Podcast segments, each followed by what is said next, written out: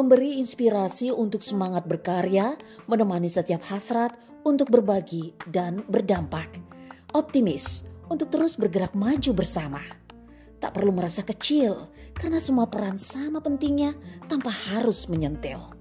Hexa Radio, produktif, kreatif, dan bahagia.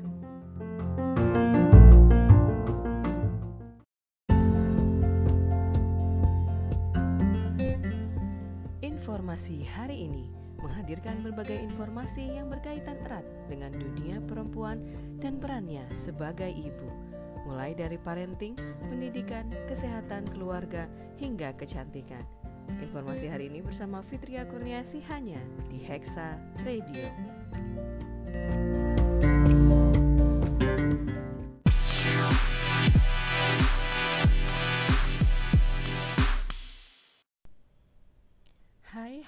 Sahabat Hexa. Kita berjumpa di informasi hari ini bersama saya Fitria Kurniasih yang akan berbicara tentang Hari Pahlawan, pandemi, dan pendidikan. Seperti yang kita ketahui, Hari Pahlawan diperingati setiap tanggal 10 November. Peringatan Hari Pahlawan tersebut muncul karena adanya pertempuran Surabaya yang terjadi pada tahun 1945. Pada saat itu, rakyat Surabaya bersama para pejuang bertempur melawan tentara Inggris dan sekutunya. Hari Pahlawan 10 November merupakan salah satu peristiwa penting dalam sejarah negara Republik Indonesia. Jika dulu pahlawan identik dengan perjuangan melawan penjajah, di era masa kini makna pahlawan bisa dipahami dari berbagai perspektif.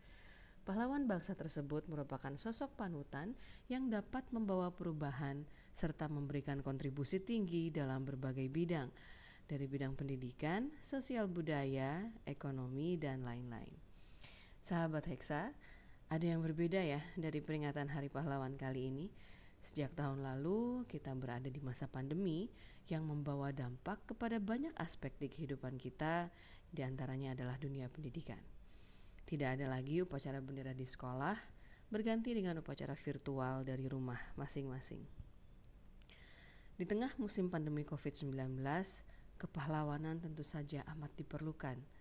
Indonesia memerlukan orang-orang biasa yang bersedia menjadi luar biasa.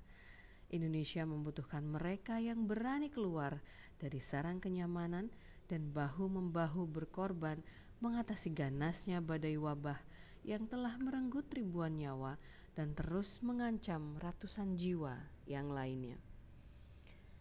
Ibu Pertiwi tengah menangis meminta supaya anak-anaknya keluar dari jerat egosentrisme, juga bermurah hati dan berani berbagi sebanyak mungkin tanpa berpikir pamrih akan kembali.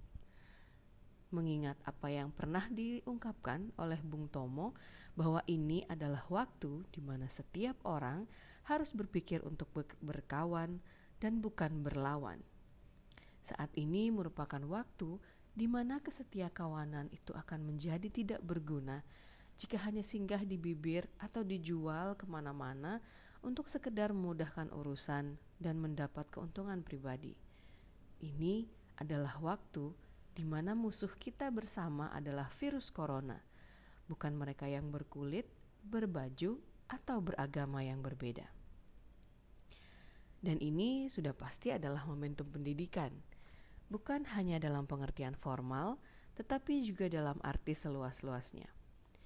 Bagi anak-anak bangsa yang duduk sebagai penyelenggara pemerintahan, baik itu di eksekutif dan legislatif, jika memang merupakan bagian dari bangsa ini dan ingin berterima kasih kepada para pahlawannya, ini adalah waktu untuk mendidik laku diri supaya tak memilih hidup dengan menumpuk kekayaan dengan mengambil hak-hak rakyat. Sebaliknya, Inilah kesempatan untuk menjadi lebih besar dengan menjadi pahlawan sebenarnya. Ini adalah waktu untuk hadir di tengah masyarakat, merasakan apa yang mereka rasakan, dan melakukan sesuatu untuk membuktikan bahwa mereka memang layak untuk dipilih.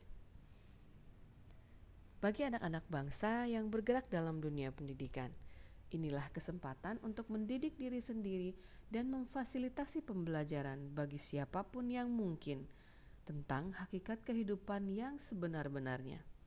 Bahagia dengan membahagiakan orang lain.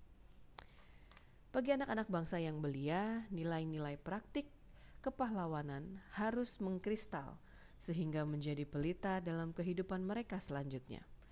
Bagi anak-anak remaja Indonesia, di tengah haus jiwa mereka akan teladan kebaikan, para guru adalah orang-orang yang bisa menjadi pahlawan mereka atau sebaliknya akan dilupakan.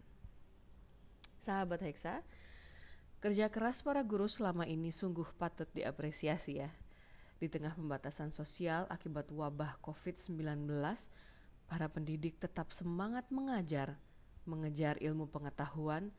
Hampir tidak ada yang menyangka wajah pendidikan akan berubah drastis akibat pandemi COVID-19. Sedangkan konsep sekolah di rumah atau homeschooling tidak pernah menjadi arus utama dalam wacana pendidikan nasional. Meski sekarang makin populer, Penerapan pembelajaran online selama ini juga terbatas pada universitas terbuka, misalnya, atau program kuliah bagi karyawan di sejumlah universitas atau kursus-kursus tambahan. Tapi kebijakan physical distancing untuk memutus penyebaran wabah memaksa perubahan dari pendidikan formal di bangku sekolah menjadi belajar dari rumah dengan sistem online.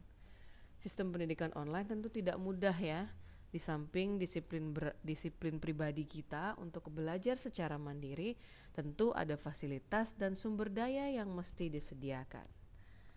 Pembelajaran online memang unggul dalam visibility waktu dan tempat, bisa dari mana saja atau dari e, kapan saja gitu ya, bisa kapan saja kita lakukan. Namun demikian bukan berarti juga tanpa kelemahan pastinya. Misalnya kita akan e, lebih mudah lelah ya capek uh, kurang uh, kontekstual tidak bisa utuh tidak ada interaksi ya interaksi yang kita lakukan adalah interaksi semu dan terutama sulit untuk menjangkau implementasi PPK atau penguatan pendidikan karakter bagi pembelajar. Praktek pendidikan di era digital memerlukan inovasi dan kreasi yang terus-menerus, sehingga guru maupun anak didik tidak mudah mengalami kejenuhan dan kebosanan. Pun jangan dimaknai pembelajaran daring hanya sekedar memberikan sekian soal kepada murid untuk menjawab. Kalau ini yang terjadi, maka pembelajaran yang membebaskan dan berkarakter akan berhenti di slogan saja, tanpa pernah diketahui spirit di dalamnya. Oleh karena itu, belajar sesungguhnya tidak pernah berhenti sejak dari dalam kandungan hingga ke liang lahat. Sahabat Heksa, pada dasarnya pandemi COVID-19 memberikan dampak yang dapat melemahkan aktivitas manusia pada umumnya. Tidak dapat kita pungkiri ya, pada awalnya banyak peserta yang beranggapan, banyak masyarakat yang beranggapan bahwa masa pandemi COVID-19 adalah masa yang menyulitkan untuk semua. Tanpa kita sadari, ternyata banyak juga sisi positif yang dapat kita petik dari pandemi COVID-19 yang sedang melanda dunia hingga hari ini. Dampak yang dirasakan memang sangat nyata dan dapat dirasakan oleh setiap orang. Namun, masyarakat tidak bisa menjadikan pandemi COVID-19 ini sebagai sebab untuk tidak melaksanakan kegiatan, terutama dalam bidang pendidikan. Kita sangat berharap pendidikan di era pandemi COVID-19 ini bisa terus membaik. Kita juga berharap uh, pandemi COVID-19 bisa segera berakhir sehingga sekolah bisa dimulai lagi dan seluruh peserta didik dan juga pendidik bisa melakukan pembelajaran secara wajar yaitu secara tatap muka. Karena ikatan antara peserta didik dengan pendidik tidak bisa digantikan dengan teknologi virtual. Sahabat Hexa, demikian episode hari ini. Sampai jumpa di episode informasi hari ini selanjutnya. Bye.